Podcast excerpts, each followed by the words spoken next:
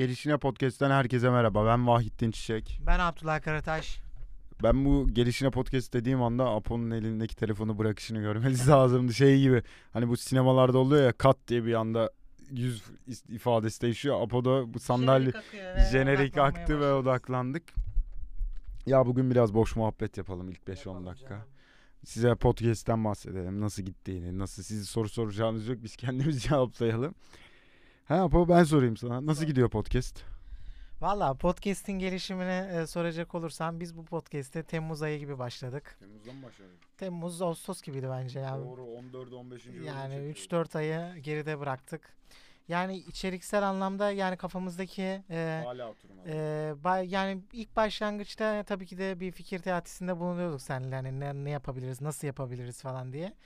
Yani biraz e, hani konuşabileceğimiz çok fazla konu olduğu için biraz e, ke, kervanı yolda düzüyoruz biraz gibi geliyor. Hani yeni hani her bölümle birlikte e, aklımıza mesela yeni bir fikir geliyor. Hani onu da ekleyelim, şunu da ekleyelim veyahut da bunları biraz hani konuşmasak mı vesaire dediğimiz konular oluyor ama totale vurduğunda yani e, kısım kısımla ayırırsak bence çok dolu dolu bir içerik olduğunu söyleyebilirim.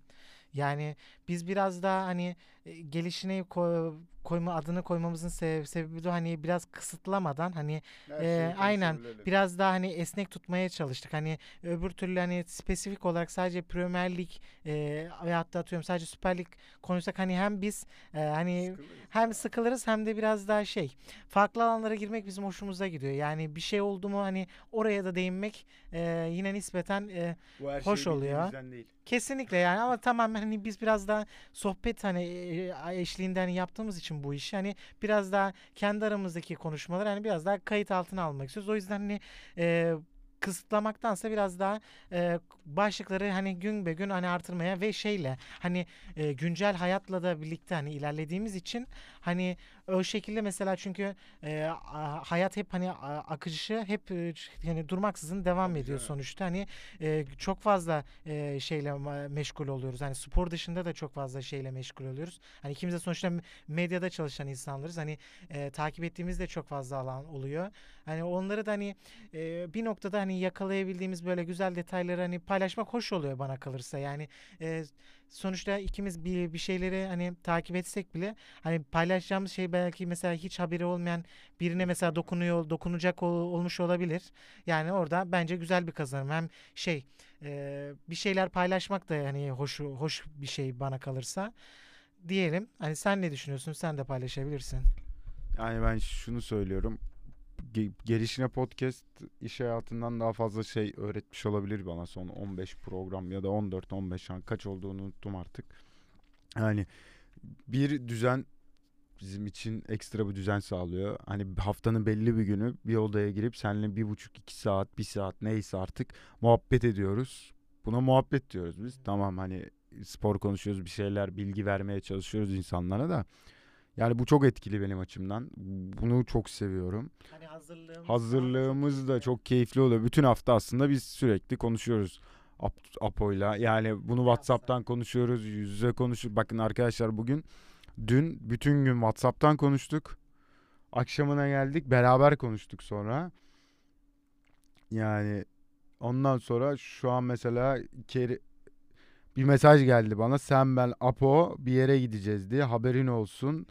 Bu salı değil bir daha hangi salı diye bir mesaj geldi mesela. Doğru bir mesaj. Doğru bir mesaj. Biz bunu bekliyorduk. Deyip şunu diyeyim. Yani Gelişine Podcast'te Dünya Kupası'ndan bahsedelim mi? Ya? ufak bir bilgi Ha ufak bir bilgi verelim size. Dünya Kupası için özel bir çalışmalar yapıyoruz. Eğer istediğimiz gibi geçerse Bence tarihin en iyi podcastlerinden biri. Şov yapıyorum ya. Bizim işimiz şov. Opo gülme. Ya tamam tarihin en iyi podcastlerinden biri değil de. Kendi adımıza tatmin olacağımız bir podcast serisi olabilir. Yani e, bol konuklu, bol değişik içerikli bir şeyler yapmaya çalışıyoruz. Dün The Athletic'te 10-15 tane makale bulduk. Bunları işleyebileceğimiz makaleler. Mesela ekstra konular olarak. Hani Dünya Kupası'nda çünkü Tamam bütün hafta boyunca Dünya Kupası yani bir programda oturup Dünya Kupası'nda sadece maç konuşmayalım. Çünkü bir haftada her şey değişebiliyor. Çünkü kısa bir turnuva olduğu için. Ha günlük özel çok özel bir şey olduğunda ekstra bölüm çekebiliriz. Bu, bu imkanımız var. Hani bir anda mesela çeyrek finalde çok olağanüstü bir durum oldu. Senegal yarı finale çıktı. Hop o saatte tak diye yayına girip şeyler kaydedebiliriz. Hani Dünya Kupası'nda öyle ekstra şeyler yapacağız. Mesela bugün teknik direktörlere ödenen paraları konuşacağız. Neden antrenörler daha fazla kazanıyor gibi bir Doğu Atletik'te makale bulduk. Bununla alakalı konuşacağız ve makale isterseniz mesela bugün tweet atarız. Orada da okumak isteyen olursa biraz ücretli aylık 2 dolar.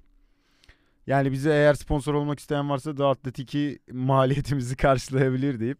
Yani çok keyifli gidiyor yani bu kadar şey bahsettim ama her şeyden karman çorman. Tam gelişine podcast gibi konuştum. Her şeyden biraz var ama hiçbir şeyden tam yok. Keyifli gidiyor ya. Ben biraz bu bu ilk baştaki muhabbeti ben istedim biraz. Çünkü şey güzel yani hani motivasyonumuz da hani ilk günkü gibi taze ve şey bence katlanarak da büyüyor yani.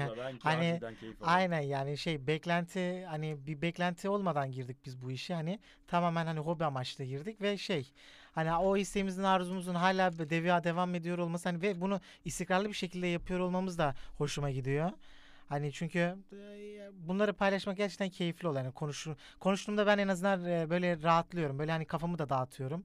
Hani sevdik sevdiğim arkadaşlarımla böyle bir şeyler paylaşmak. Hani dinleyicilerin de buna katılı katılıyor olması bence güzel bir şey diyelim. Tamam. Ee, buradan e, dilerseniz konu başlıklarımıza geçelim. Yani bugünle özel e, birkaç yine konu başlığımız olacak. Öncelikle e, bir hafta aralığın ardından yine bir Arsenal konuşmamız gerek. Aynen bir bir kısa bir ara vermiştik. Kısa bir aranın ardından bir ufak bir Arsenal atacağız bugün. Bol bol parti övmeyi düşünüyoruz. Onun dışında e, bu haftaya özel ilgiye değer bir e, bir konu başlığımız da var. E, şöyle ki öncelikle bu hafta sonu işte bir Brighton Chelsea maçı oynandı.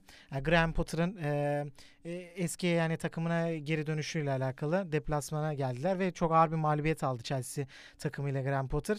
Onun üzerinden yani hem o maçı konuşacağız biraz daha tekniksel olarak. O maçtan e, bağlantılayarak da e, az önce senin bahsettiğin gibi The Athletic'te çıkan bir güzel bir yazı vardı bu hafta. Onu inceledik biz. E, onda şunu diyorlardı hani antrenörlerle e, futbolcular arasındaki hani e, ödenen bonservisler arasındaki uçuruma dair e, bir uzun bir yazı çıktı Atletik'te. Hani bunun sebebi sebepleri neler olabilir? Ee, biraz e, fikir jimnastiği yapılmış. Hani bunlarla alakalı biz de fikirlerimizi söyleyeceğiz. Hani e, neden kaynaklı? Hani e, bunun sebeplerini yani biraz daha irdelemeye çalışırız. Hem de güzel bir e, hem bir beyin fırtınası olur hani aynen e, diye düşünüyoruz. Onun dışında e, bu hafta özel artık ben e, bir Napoli masasını açmamız gerektiğini düşünüyorum aralıklarla e, Kvaratskhelia konuşuyoruz bol bol ama yani daha fazla Napoli konuşmamız gerektiğini hissediyorum. Çünkü gerçekten özel bir sezon geçiriyor Napoli. Tüm Avrupa'da Gerçi dün akşam bir Liverpool mağlubiyeti aldılar Şampiyonlar Ligi'nde ama o sezon başlangıcından itibaren e, artarak devam eden bir oyun kalitesi var.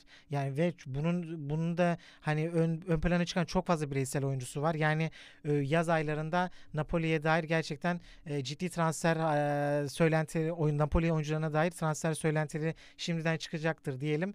Biraz Napoli öv, övmeye çalışacağız. Onun dışında e, Şenol Güneş ile Beşiktaş'ın e, ilk maçında bir 5 gollük bir galibiyeti oldu. Çok kısa sen zaten maça da gittin. Statta takip ettin. Orada bir, bir bize hani neler gördün? Hani gözlemlerini aktarırsın. E, onun dışında da yine klasik e, Euroleague Euroleague'de hafta geçen hafta çok önemli bir derbi vardı. Türk derbisi. E, Efe Anadolu Efes Fenerbahçe maçını biraz konuşacağız ve NBA'den ben bir iki tane e, konu başlığı belirledim geçmiş haftaya dair. Yine onları hani e, öne çıkan bir iki maddeyle birlikte bu bölümü kapatırız diye düşünüyorum. Öncelikle Nottingham Forest Arsenal maçıyla başlayalım. Arsenal 5 e, gollü bir galibiyet bu maça dair ne konuşulabilir? Yani zaten başlangıcında söyledik. Bugün e, Napoli dışında bir de parti öveceğiz. Parti övmeceyi biraz sana bırakacağım. E, bu maça dair tabii ki de parlayan bir oyuncu var. Riz Nelson. Bukayo Saka e, e, ilk yarım saatte sanırım e, bir sakatlık geçirdi. Çok ciddi değilmiş bu arada. Hani antrenmanlara da tekrar başlamış. Zinchenko tekrardan antrenmanlara başlamış. Hani Emil Smith Rowe dışında tekrardan hani tam kadro olduğunu söyleyebiliriz Arsenal'in. Çünkü biraz yavaş yavaş yıprandığını görüyorduk hani son haftalarda Arsenal'in. Bir tık daha hani oyun yoğunluğunun azaldığını söyleyebiliriz. Özellikle önce Southampton de- deplasmanında bir beraberlik alındı. Hafta içinde de bir e, PSV deplasmanında bir 2-0'lık mağlubiyet alındı. Ama hani bunlar çok se- sezonu hani çok fazla etkileyen e, puan kayıpları olmadı. Zaten UEFA'da da liderliğini devam ettiren bir Arsenal var. Ve Nottingham Forest'ta özellikle Reece Nelson oyuna girişiyle birlikte o 45-60 arasındaki ağır dominasyonla bir anda maç 5'e gitti. Hem sen maçla alakalı neler gördün? E, Arsenal'in hani son son durumunda nasıl buluyorsun? Hani parti partiye de girersin. Biraz bu sefer senden dinleyelim Arsenal'i. Arsenal ya ben aynı zamanda şu Trabzon şey Trabzon demişim. Beşiktaş maçındaydım. Arsenal'a çıkıştı saatleri bir yandan büyük Arsenal taraftarı Recep'le birlikte hem bir yandan maçı Beşiktaş maçını izlerken bir yandan Arsenal maçını izledik. Şöyle bir denklem gördük orada. Beşiktaş gol atıyor, Arsenal gol atıyor. Arsenal gol atıyor, Beşiktaş gol atıyor. Çok güzel tesadüftü. Bu keyifliydi. Ya şunu söylemek gerekiyor. Nottingham Forest ligin kötü takımlarından biri ve herkesin yani gerçekten galip gelebileceği bir takım ve hani maçtan önce deseydiniz Arsenal Nottingham Forest maçı ne olur? Arsenal kazanır diyebilirdik. Lakin şöyle bir şey var. Aslında o kadar kolay başlamadı. Hani biri birinci golü bulmak biraz daha zor olabilirdi derken Arsenal ilk yarı 1-0 kapattı değil mi? Aynen. Aynen yani 4 gol kalan 4 gol 3 kaç dakikada geldi? Yani bir 5-10 dakika içinde geldi. 49 52 57 78 yani 25 dakikalı ortalamasında goller geldi. Hani Saka'dan bahsettin sen. Saka'nın sakatlığı umarım ciddi değildir. Çünkü ileride bir Dünya Kupası var 2-3 hafta sonra ve Saka'nın ben orada olmasını istiyorum. Yani bu İngiltere'nin Dünya Kupası kazanacağı ya da Saka'nın büyük kitlesi yapacağından değil. Bu oyuncu 20 yaşında hani 22 yaşında ve Dünya Kupası görsün istiyorum ki orada bir olgunlaşma süreci yaşasın. Oradan döndüğündeki futbol yapısıyla şu anki gittiği futbol yapısı kafası arasında çok fark olacak. Hani Arsenal'ın sen Potter şeyini açtın maç ligden ama ben şeyi açmak istiyorum. Arsenal'ın son 11'ini açmak istiyorum. Şeyden maç golüye girmiyor. Şey, hafızamda kalede Aynı aynı. Nereden baksan Aynı şey Yok ben sadece görmek için açtım. Yani Ramsdale, Tomiyasu, Gabriel hatta şunu gördüm Tomi, Tomiyasu'yu gördüğümde herhalde Zinchenko'yu vurdular. Hani dün Sergen Yalçın da dediği gibi yani öldü herhalde bu adam. Kas sakatlığı var o bir tık uzamış. Hani Arsenal'den iyi gittiği için hani çok fazla onu onu hani riske de hani aceleyle tekrardan hani o çünkü kas e, sakatlıkları çabuk nüksedebilen e, bu şeyler baldır sakatlığı yaşıyor. E, onu City'deyken de çok yaşıyordu. Hani biraz daha dinlenerek geçebilecek sakatlıklar. O yüzden hani Arsenal'de iyi giderken hani çok fazla force etmemeyi tercih ettiler. Bence bana kalırsa da doğru yaptılar. Kal, hani kaldı ki şu anda hani ya işler iyi gidiyor ve e, şey Saka hem Saka hem de Zinchenko tekrardan antrenmanlara başlamış. Yani bu güzel bir. Başlamış. Bu çok güzel bir haber. Hani ilk yarı bence Arsenal için iyi geçti mi? Geçmedi. Şöyle bir şey var. Kazanmaları oldukça iyi. Tepki vermeleri çok iyi. Çünkü son iki maçta puan kaybetmiş bir takım vardı. Geçen hafta beraber izledik neydi? Southampton Soton maçında bir puanı bir puan almak zorunda kaldı ve hafta içi PSV'ye 2-0 mağlup oldu. Tamam PSV kadrosu ortada iki, iki maçta da kim yoktu? Evet, ya. İki maçta da parti yoktu ve ikisinde de puan kaybettik. Geçen sene de Şampiyonlar Ligi'nde kaybettiğimizde hani Şampiyonlar Ligi dördüncü hedefimizi Tottenham'a verdiğimizde de şu olmuştu. O zaman da parti bu kadar etkili değildi. Sakat, Sakattı. Birçok sakatlık yaşadığında takım kötüye gidiyor ve bir iki tweet gördüm ben İng- İngiltere sayfalarında. Ligin en iyi 6 numarası. Şu an Ay yani bu tartışmalar yapılmalı. Ligin en iyi 6 numaralarından biri. Hani City oynar, Liverpool'da oynar. Arkadaşlar bundan sonra City, Liverpool diye övmeyeceğiz topçular. Bu takım artık Arsenal'da oynar diye bahsedeceğiz. Şunu bahsetmek istiyorum. Bütün takım yani Nottingham Forest galibiyetini iki kişi üstünden okumak gerekiyor. Bir Nelson. Gerçekten hani oyuna girdiğinde Recep şunu dedi. Yaşıyor mu ya? Hani gerçekten yaşıyor muydu bu adam ki oyuna girdi. Şunu da Arteta'nın maç sonu açıklamalarında şu şunu dikkat ettim ben dinlediğimde. Şunu dedi. Yani Nelson'ın bizim takım etkisinde çok yüksek kredisi var. Antrenmanda sürekli bir şeyler yapmaya çalışıyor. Ekstra olarak hani oynamadığında mızmızlanmıyor. Yedek oturduğunda kabulleniyor. Hani sürekli iyiye doğru gittiğine, iyileşme süreci olduğuna, futbol anlamında iyileşme sürecine, akıl sağlığı, futbol anlamında iyileşme sürecini yukarı çıktığından bahsetti. Ve girdi iki gol bir asisti var. Tamam hani asist asist de yok. İki gol bir asist var. Jesus'un mu asist asist sayılmaz? Ha pardon. Nelson Partey'in topunu veren kişi de o asist sayılmaz yani. Orada parti şovdu. Yani tamam şey olarak matematiksel olarak bir sayı işlendi maç kolye ya da başka her yere. Ama yani orada parti Nelson'u kazanmamız burada çok iyi oldu. Çünkü yarın bir gün geniş kadro çok etkili olacak. UEFA Avrupa Ligi'nde tamam kolay bir gruptaydık. Bir şekilde gruptan çıktık. Hani son 16'ya kalacağız gibi duruyor. Bugün yarın maçlar var ve son 16'ya kalacağız gibi duruyor. Hani bir dahaki Avrupa maçımızı Mart ayında oynayacağız ve Mart'a kadar Premier Lig'de çok şey değişebilir. Yani ligden de kopmuş olabilirsin. Hani ligi de lige de o hala asılıyor olabilirsin. O yüzden yani geniş kadro bir yerde bizi etkileyecekti ve Nelson'ın bu şekilde oyuna dahil olması çok etkileyici. Partiden bahsedeceğim. Yani iki buçuk dakikalık bir kesiti vardı. Sen favladığın için şeyime düştü. Onu izledim. Ya bu kadar temiz, bu kadar akıl dolu, akıl dolu oynadığını uzun zamandır Arsenal'da böyle bir oyuncu görmemiştim. Hani 6 numarada görmemiştim. Yani iyi ki Atletico Madrid'in haberi olmadan bu oyuncuyu bonservisini FIFA'ya ödeyerek hani ilk uçakla Madrid'den Londra'ya getirdik ve tekrar kime atmıştı? Tottenham attığı golün aynısını attı. Birebir aynısını attı. Yani bunları yapabilmesi de iyi. Hani 3-4 haftada bir 6 numaraların hani kesici olarak oynayan oyuncuların 3-4 haftada bir gol katkısı sağlaması takım olarak da ekstra şeyler sağlayabilir. Hani takıma da özgüven verebilir ve oyuncunun kendi özgüveni de yükselir. Şu olur. Geride oyun kurabiliyorum, top kesebiliyorum, savunmadan bir anda alıp takım ucuma çıkabiliyorum ve ekstra olarak gol atabiliyorum. Ve onun oradaki savunmadaki etkisiyle birlikte Şaka'nın, Çaka'nın ne ya Şaka mı Çaka mı? İleri hücum hattına daha fazla yönelmesini sağladı ve mesela Nelson'ın ilk golünde kimin attığını unuttum. Şaka'ya bir uzun pas atılıyor. Şaka Jesus'a çıkarıyor. Mesela sağ bekte sağ stoperin arasından neden Şaka var? Çünkü Partey etkili. Partey'in oradaki özgüveni, oradaki verdiği takıma güven Şaka'nın ya da Odegaard'ın savunmaya daha az gelip Hucumda performansları hucum anlamında sen Şaka'nın bu kadar gol attığını, gol beklentisi yarattığı bir sezon hatırlıyor musun?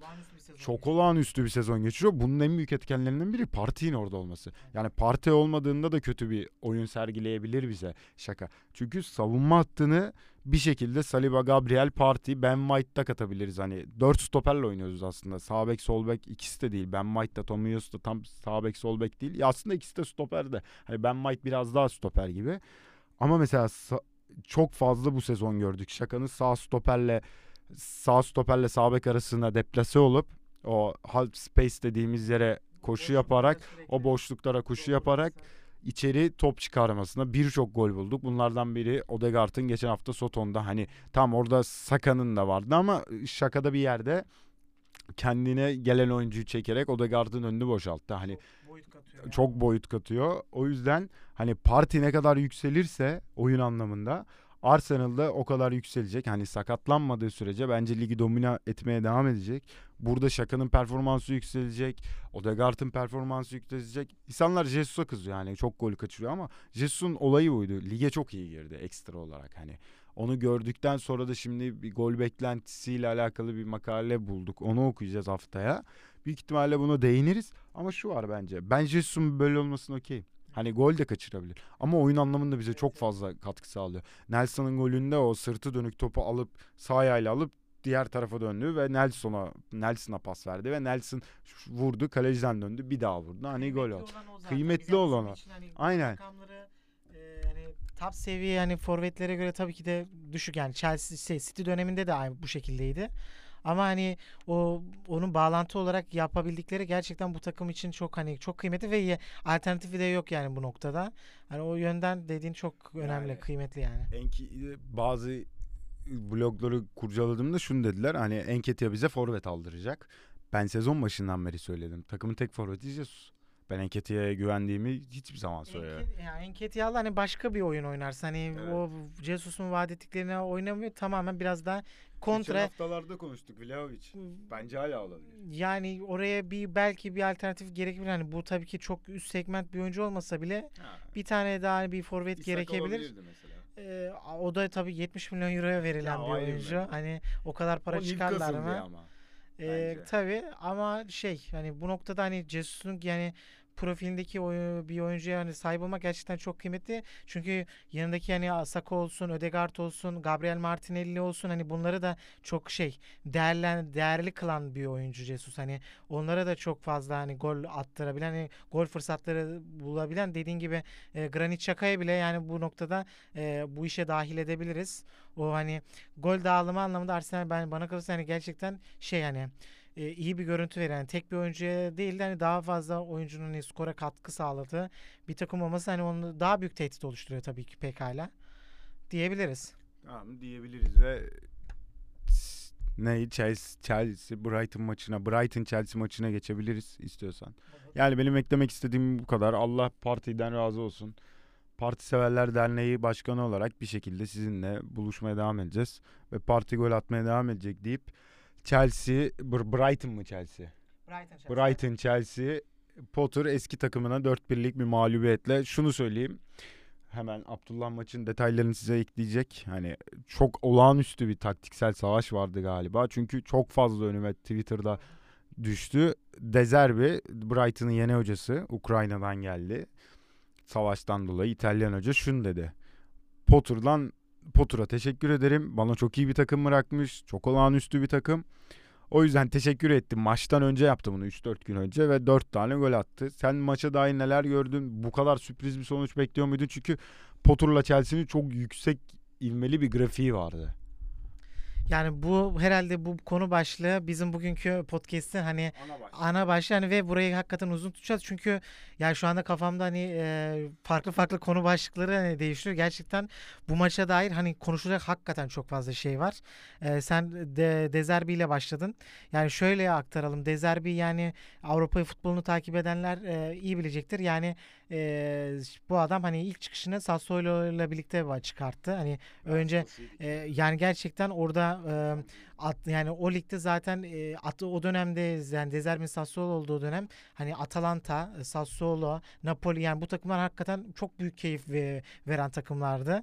Yani Dezerbi ve bunu e, çok düşük bütçeli takım e, bir takımla yani uyguluyordu. O da şöyle ki e, şeyi yani buradan bir topu da e, bu arada şeyi atalım. E, Farioli'yi atalım. E, Farioli öyle değil böyle. Aynı ya şöyle Farioli e, i- Ze- Dezerbi'nin hani yardımcısıydı İtalya kariyerinde. Ondan sonra Türkiye kariyeri başladı. Karagümrük Alanyası ile vesaire.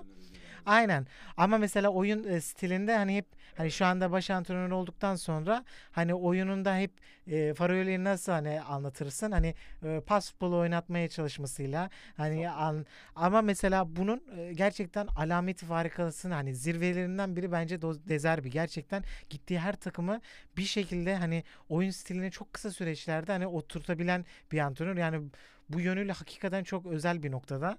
E, olduğunu söyleyebiliriz. Yani gerçekten De Zerbi'yi e, ben mesela şey olmuştu Galatasaray antrenör ararken o dönem De Zerbi'de işte Shakhtar'dan ayrılma durumu vardı işte Ukrayna savaşı Rusya savaşından kaynaklı olarak adı geçen antrenörlerden biriydi. E, Marco Rose falan da geçiyordu hatta. Yani bunlar hakikaten yani bu şey değil tabii hani gelir ve Galatasaray'ı da hani akıl almaz bir seviyeye çıkarız değil. Büyük ihtimal şöyle de olurdu hani başarısız olma ihtimali bence daha yüksekti. Çünkü e, biraz ikircikli bir hani oyun stiline sahip. Hani kolay kolay hani e, bir çünkü bir, bir tık da kalite isteyen hani bir bir şey ve sabır isteyen bir oyun stiline sahip Dezerbi'nin ta- taktiksel disiplini. E, o yönden ben çok hani başarılı olabilir mi ondan çok emin değildim ama e, zaten o sonucunda da olmadı o iş. Neyse e, velhasıl e, şey maça dönelim. Oradan daha da açarız bu konuyu. E, ya bu maça özel e, şunu da önce şuradan da girebiliriz. E, hem Graham Potter'ın bonservisiyle birlikte Chelsea'ye gittiğinden bahsettik. Bu zaten e, ko- konu başlıklarımızdan bir, nok- bir noktasına gireceğiz zaten buraya ama onun dışında dediğin gibi Ku- Kukureya da sezon başında 65 milyon euro gibi paraya Brighton'dan ayrıldı. Te- Chelsea'ye gitti. Eski e, eski takımın o da oynadı. Onun dışında bu takımdan yani şu biraz çünkü Brighton'ı övmek övmemiz gerekiyor. Ee, Yani Graham Potter Graham Potter'la sezona başladılar. Sonra De Zerbi ile devam ediyorlar. Şöyle ki bu takımın geçen sezonki bunlar en kritik adamları abi. Kukureyası, e, Tottenham'a gönderdikleri Yves Bissouma takımın enerji deposu. E, yani çok ana ana rol, ana bir rolde oynuyordu Brighton'da geçen sene. Onun dışında abi bu sezon çok kritik. Yani bundan yaklaşık bir, bir buçuk ay önce çok kritik ve üzücü bir haber de geldi. E, bu takımın gerçekten çok e, değerli yeteneklerinden biri Mvepu'da e, aynen öyle bir rahatsızlığından dolayı futbol hayatı yir- 24 yaşında bit- bitmek durumunda kaldı. Yani bir anda ana iskeletinden 3 tane oyuncuyu kaybetmek durumunda kaldılar ve e, bu sezon başına da böyle özellikle hani spesifik bir forvet almadan girdiler. Yine Welbeck'in hani varlığı var ama mesela bu sezon e, Potter'la başlayan ve De- De Zerbi geldikten sonra da devam ettirdikleri bir sistem var abi. E, Trossard önde başlıyor. Mesela Trossard'ı geçen sene 4-3-3'ün kanatlarında kullandıklarını görüyorduk. Trossard bu sefer önde kullanıyorlar. Bu biraz şeyden de alıntılayabiliriz. E, Napoli'de Mertens'in, Insigne'nin kullanım şekline de biraz benzer. Orada kısa boylu, daha çok gezgin bir rolde ve Trossard'ın bu sezon gol rakamlarının da yükseldiğini görebiliyoruz. Hani verimin bu bu takımda verim de verdiğini görüyoruz. Hani burada bu bu noktada şu bir oyuncu daha söyleyeceğim. E, bu takımda gerçekten önemli bir rolü alan e, Neil Maupay de takımdan ayrıldı. O da Everton'a gitti. E, yedekten de başlasa, ilk 11'de de başlasa hani sezonda sana 10 gol vaat edebilen bir oyuncu. Oradan o da çıktıktan sonra gerçekten hani yeniden e, bir yapı kurmayı be- ya başardılar bana kalırsa. Yani sonuçta bu eklemelerin yerine hemen e, kimleri eklediler abi? Caicedo'yu hemen mesela Bissouma'nın yerine koydular ve Caicedo şu anda ligin en etkili çift box to box'larından biri olarak görev alıyor. Sol bekte Estupiñán gel girdi. Mesela Kukuraya'nın e, şey hem hiç mesela esamesi okunmuyor. Bu yüzden gerçekten e, çok kıymetli yani Brighton'ı gerçekten izlemek büyük keyif. E, bu maça dair Chelsea'yi biraz okumak gerekiyor abi. Chelsea'de çok fazla sakatlıklarla boğuşuyorlar. Yani Potter geldiğinden beri e, çok ciddi sakatlıkları var. Bunlar kim abi? Takımın takımın bence en kilit ve yani Avrupa futbolunda gerçekten yani pozisyondaki bence en kıymetli oyunculardan biri. Reece James bir kere sakat abi. Bu Dünya Kupası'nı da kaçıracak. Yani bu çok büyük bir problem. Onun dışında abi Kolibali yok. Wesley Fofana yok. Yani ve Graham Potter üçlü oynamayı da seven bir antrenör. Bu maça da zaten e, nasıl bir üçlüyle başladı abi? Ee, arkada Thiago Silva, Chaloba, e, Aspilicueta ile başladı. Bunlarda bir problem yok. Hani böyle bir üçlüyle başlayabilirsin personel eksikliğinden dolayı ama bu maçı ne nasıl okuyabilirsin? Bu maç e, kanat bekleriyle okunabilecek bir maç. Kenarlarda kimleri görüyoruz abi? Bir kenarda Pulisic'i, bir kenarda Sterling'i. Yani inanın yani ben uzun zamandır bu kadar ofansif bir kanat bekleriyle oynandığını hatırlamıyorum. Gerçekten Zaten maç abi maç bir başladı. Yani Vahit ilk bir 10 dakikada yani görmen lazım. Sürekli Chelsea kale, kalesinin yani ceza sahası içinde oynanıyor top. Chelsea sürekli pasta çıkmaya çalışıyor. Sürekli ön alan presi var ve sürekli top kaybıyla var. Yani o kadar çok boğdular ki yani o 15 dakikayı yani sana hani izleyenler gerçekten zaten iyi hani anımsayacaktır korkunç bir baskı. Zaten orada çok kısa sürede bulunan iki gol e, ve bir anda oyunun şekli çok değişti. İlk 15 dakikadan sonra o baskı kırıldı bir tık. Chelsea o yavaş yavaş ataklara başladı ama e, ikinci yarının başına gelen bir üçüncü gol zaten gollerin ikisi kendi kalesine geldi. Yani o kadar çok baskın oynadılar ki yani bir şey kale ağzında oynandığı için bir şekilde yani top dönüp dolaşıp Chelsea ağlarını buldu. Yani Thiago Silva çok çok zorlandı. Ee, burada e, Kukureya'nın hiç mesela o hücum yönlerini zaten kullanamadılar. O biraz zaten savunma üçlüsü anlamında gerçekten problem yaşar bu arada. Chelsea mesela şöyle bir üçlüyle oynasa biraz daha emniyetli olabilirdi. Aspilicueta bir kenarda. Ve veya mesela Reece James varken Reece James mesela bir kenarda bir kenarda e, Aspilicueta ile yani bir şekilde seni ku- kurtarabilir ama arka üç yani bu kadar kanat beklerinin ofansif olduğu bir noktada işte arka üçlünün de e, bu oyunculardan Çalobah'tır sonuçta dengesi hani çok güvenilir bir stoper değil. Yani Thiago Silva'ya oyun çok kalıyor ve Thiago Silva da çok baskıda. O da çok baskıda hani çok fazla hata yaptı. Hani kale ağzından çıkarttığı toplar da var ama oyun içinde gerçekten onun da çok büyük problemler yaşadığını gördük. Yani mutlak bir e, Brighton dominasyonu ve Der, Dezerbi net bir şekilde mat etti. Yani bunu çok açık yüreklilik söyleyebiliriz. Hani de e, Potter'la alakalı Chelsea'ye geldi. Aslında ufak ufak yavaş yavaş dokunuşlarını görebiliyoruz. Özellikle Pulisic'te, Kai Havertz'te hani sezon yani e, sezon başına biraz daha yavaş giren oyuncularda biraz daha e, dokunuşlarını görebiliyoruz ama e, iyi hani istikrarlı skorlar almadığında görüyoruz. De, e, Şampiyonlar Ligi'nde mesela iyi bir Milan maçının sonrasında ligde böyle mağlubiyetlerin alınması yani hala yani bir tak oturmayan şeyler var. Yani Kovacic e, yine bu maçta oynadı ama o da çok zorlandı bu maçta. Bence takımın en büyük ihtiyaçlarından biri. Yani Kovacic'in oraya bir şekilde dönmesi hani Potter'ın elini de güçlendirebilecekti ama bu maçta o da hani o kadar baskıya rağmen bir şeyler yapamadı. Hani seni biraz rahatlatayım, birazcık nefes al, su iç, çay iç. Hani ondan bahsedeyim. Ortada Loftus-Cheek var. Hani Mason Mount, Kai Havertz yani bir şekilde bu takımın forveti yok ve sezon başında hani Tuhel'le birlikte Haziran'a girdiklerinde 4-5 tane forveti olan takımı şu an forvetsiz. Hani Potter'ı o da düşündürüyor olabilir. Hani belki bu maçta ileride topu tutabilecek Lukaku gibi ya da Timo Werner gibi bir forvetler olsaydı hani bu kadar baskı yerken oyun 2-3 dakika dinlenip hani Thiago Silva'nın nefes almasını, oksijen olarak beynine gitmesini, Kovac için beynine oksijen gitmesi sağlayıp hani bir tık daha akıllı oynayabilirlerdi. Ama Brighton buna hiç izin vermedi senin de bahsettiğin gibi. Gerçekten hani Faruel'den bahsettiğin Dezerbi de aynısını yapıyor. Kaleciden oyunu başlatıyor. Ama Dezerbi'nin yaptığı oyun aklıyla oyunu başlatışı bambaşka. Bugün özel bir iki buçuk dakikalık bir video izledim. Hani birebir yaptıkları bir şeyle. Yani bu kadar akıl dolu gerçekten satranç gibi Chelsea'yi işlemiş Brighton. Bir şekilde maçı almayı başardı. Hani Potter'a burada yani yapacak bir şey yok. Potter'a burada sallanacak da bir şey yok. Hani Chelsea. Çünkü dediğin gibi çok eksik oyuncuları var. Hani nefes almalı, nefes alamadılar. Brighton gerçekten boğdu boğdu duvara attı. Boğdu boğdu. En son Thiago Silva ben başka bir ilde miyim diye bağıracaktı. Derken maç bitti. Hani bir şekilde Chelsea bir yerde toparlan. Bence Dünya Kupası'nın en çok yarayacağı takımından biri Chelsea. Hani sakatlıklar, psikolojik olarak düzelmeler çünkü zor bir dönem yaşadılar. Tuel psikolojik sıkıntıya girdi Hindistan'a gitti. Belki Chelsea komple takım olarak Hindistan'a gidecektir. Hani ekstra olarak bu, bu şeyler eklenebilir. Devam etmek istiyorsan tabii ki. Yani şey kısmı ben onu atlamıştım iyi hatırlattın hani o baskıyı kırma yöntemlerinden ee, gerçekten hani onu e, hakikaten hani Dezerbi'nin hani kart vizit bıraktan gerçekten o kesite hani bulursak paylaşırız. Ee, o baskıyı nasıl kırdığına dair hani kalecinin de oyuna soktukları hani ortada mesela ikiliyle iki kişiyle baskı kurduklarında Chelsea ortaya bir üçüncü oyuncu ekleyerek oradan hani nasıl hani kanatlardan hani oyunu açtıklarından falan bahset bahsettin o videoda. Gerçekten o anlamda da hani taktiksel dokunuşlarını e, söyleyebiliriz Dezerbi'nin. Yani gerçekten e, tamamıyla istedikleri şekilde gitti. Hani yani eklenebilecek bu şu şunu söyleyebiliriz. Hani o çok kadar çok ofansif bir hücumla başladılar ki White. Yani orta ikili de yani Loftus Cheek'i bahsetmiştik.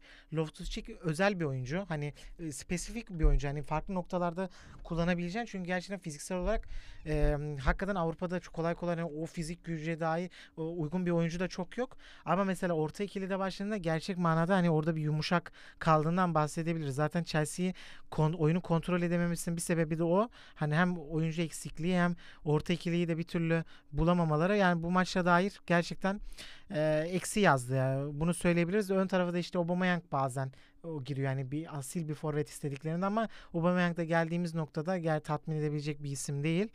Diyelim buradan e, e, Brighton masasına hani bu Potter'dan Potter. antrenör oyuncu e, skalasın yani Yap. Şöyle bir bilgilendirme yapalım konuyla alakalı. Şimdi konumuz şu olacak arkadaşlar. Hani soft bir konu. Uzun zamandır soft bir konu istemiyorduk. Hep maçlar haftalar üstüne.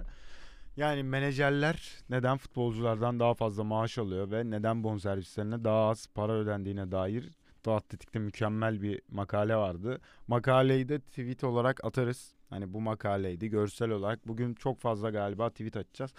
Şunu söyleyeyim size. Graham Potter futbol tarihinde bonservisi en fazla ödenen teknik direktör oldu. Brighton'dan Chelsea'ye geçerken 23 milyon euro. Yani böyle bir belge de var. Bunu da atacağız. Bunu ardından Nagelsmann takip ediyor. Leipzig'ten Bayern'e geçerken 20 milyon euro ödendi. Ben bunu 25 biliyordum. Yani burada 20 yazıldı. Bu şu çok ilginç. Hani sonra Jose Mourinho Inter'den Real'e giderken o Şampiyonlar Ligi meşhur ağlamalı video olan videodan sonraki 16 milyon euro. Mesela Chelsea en fazla ödeyen takımlardan biri. Daha önce Andre Villas-Boas'a Portekiz'den şeyin Jose Mourinho'nun veliahtı olarak gelmişti aslında aynı aynı tarzda. 15 milyon euroya gelmiş 2011 yılında. Hani bunlara en büyük örneklerden biri burada yeşil olma sebebi Portekiz gazetesi. Evet, evet. Ha şey Ruben Amorim'in de burada ekstra bir Yani bu listede o gerçekten dikkat çekiyor bu arada. Ruben Amorim neden dersen yani bu ben hatırlıyorum be bu trans şeyin e, Braga'dan. Braga'dan e, Sporting'e geçişini hatırlıyorum Amorim. Amorim'i hep herkes yani futbolcuyla hatırlayacaktır. E, ilk sezonda o kadar olağanüstü bir performans veriyor ki abi 35 yaşın hatta 10 milyon euro gerçekten kulüp tarihinin en hani oyuncu anlamında da hani en pahalı transferlerinden biriydi. Büyük yankı uyandırmış. Hani gittiği spor. Sporting'e gitti şampiyon yaptı. Gerçekten e, hani paranın hani hakkının fazlasıyla verdiğini söyleyebiliriz diye. Ama şu an diyelim. gitsinler diye laf edilen bir hoca haline Biraz sallantıda. biraz sallantıda. Yani bunlardan bahsedeceğiz. Burada ekstra olarak gözüne çarpan başka bir adam. Dortmund iki kere üst üste. Marco Reus ve Peter Boza biri Mönchengladbach'a biri de Ajax'a 5'er milyon euro ödemiş. Yani Julian Nagelsmann en fazla bonservis ödenen teknik direktör kendisine. Hoffenheim'dan Leipzig'e geçerken de 5 milyon euro ödendi. Ve Bayern Münih Real Leipzig'ten Bayern'e geçerken de 25 milyon euro totalde ödendi deyip buraya geçelim. Yani şunu söylemek gerekiyor. Ben soru soru gidelim istiyorsan. Yani sence neden futbolcular ya da sen de başka bir soru gelirse bana sorarsın. Sence neden teknik direktörlerle futbolcular arasında bu kadar maaş skalası var? Hani teknik direktör alıp bütün oyununu, karakterini değiştirebilirsin ve gerçekten sen bir kulüp yöneticisi olsan hani ilk oyuncu mu alırsın, teknik direktör mü alırsın? Hani bazıları oyuncu alabilir ama ben şahsım adına söyleyeyim. Ben ilk bir teknik direktör alır ve teknik direktörün oyun planına güvenir. Hani bütün parayı ona verebilirim demiyorum ama onun oyun planına bir şekilde hani oyuncular ya yetiştirip ya da transfer edip futbol kültürümü kulüp olarak söylüyorum bunu. Futbol kültürümü oluşturabilirim, taraftarımı oluşturabilirim. Hani sıfırdan bir kulüp yaratacaksam ilk önce oyuncu değil teknik direktör alırım gibi bir düşünce var. Ama tam tersi futbol finansında, futbol piyasasında teknik direktörler gerçekten az maaş alıyor. Ortalama en fazla maaş alan teknik direktör Diego Simeone. O çok uçuk bir para. Onun da sebebi hani Atletico'nun bırakmak istemesi. Onun ardından Guardiola geliyor galiba ya da hani o da kaç 8 mi alıyor? 8 milyon euro. Çok ciddi yani şey saymazsak Simeone'yi saymazsak ortalama bir teknik direktörün maaşı çok top bir seviyede 7,5 8 milyon euro civarlarında olurken mesela futbolcular daha fazla kazanıyor. Hani bonservislerine daha fazla ödeniyor. Mesela en basit örnek atlı şeyin makalenin de kapağı Kukure'ye Potur, Kukure'nin bonservisi 60 milyon euro. Kukure'yi yetiştiren bu performansı yükselten hocanın bonservisi 20 milyon euro. Abdullah Karataş neler söylemek ister? Benim dilim tutuldu. Yani bu konuya dair hakikaten hani konuşulacak çok fazla şey var. Sen az önce antrenörlerin hani e, bonservis verilen antrenörlerden bahsetmiştin. Yani bu dikkat çeken bir nokta hani hep bu bu isimlerin ağırlıklı olarak 2010'lu dönemlerden sonrası hani Bir tane var. Aynen arada bir 2008'deki bir Mark Hughes'un Blackburn'dan City'ye geçişinde ödenen bir 6 milyon euroluk şeyi Arap Evet, ilk geçiş sezonunda ödenen bir e, bonservis ücreti. Yani e, zaten bu hani daha bırak hani antrenör oyuncu reka hani arasındaki uç, uçurumları hani zaten çok hani alışık olduğumuz şeyler bile değildi. Yani öncelikle oradan başlamak gerekiyor. Yani bu konunun başlangıç noktası yani senin de söylediğin gibi yani sonuçta yani düz mantıkla bakalım.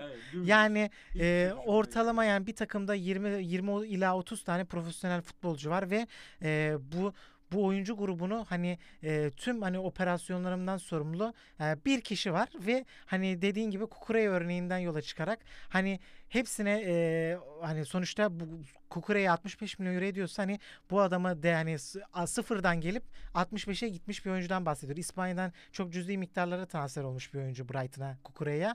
Ee, bu noktaya getirmiş bir antrenöre ve hani bu dokunuşlar sadece Kukure'yle de e, ilintili değil. Hani kulübe değer katan, hani diğer oyunculara değer katan, yani bir organizasyonu kontrol ede, eden kişiye neden bu kadar az para veriliyor?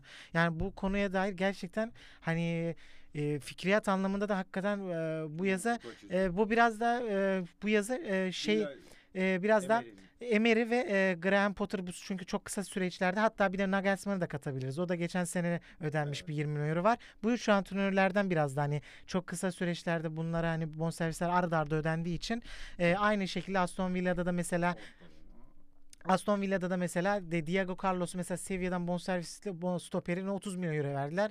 Bu Emery mesela çok kötü giden bir Aston Villa'ya 6 milyon euroya gel kurtar diyerek e, bonservisle alınmış bir antrenör.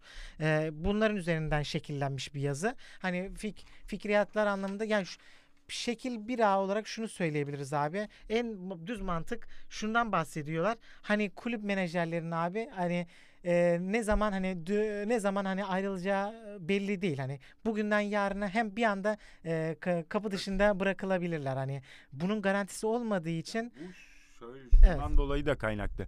Hani biz kovmasak da kendi bir anda istifa edip psikolojik olarak rahatsızlığı olarak gidebilir. Hani istifa etmeleri çok kolay. Futbolcuların istifa etme gibi bir durumu yok. Futbolcular kötü oynadığında ertesi gün antrenmana gelip kafalarını eğip hani bu şey makalede de var. Kafalarını eğip bir şekilde antrenmanını yapıyorlar ve koçu dinliyorlar. Ama koçlar öyle değil. Hani koç dediğim antrenörler o tarzda değil. Aynen Yani. öyle.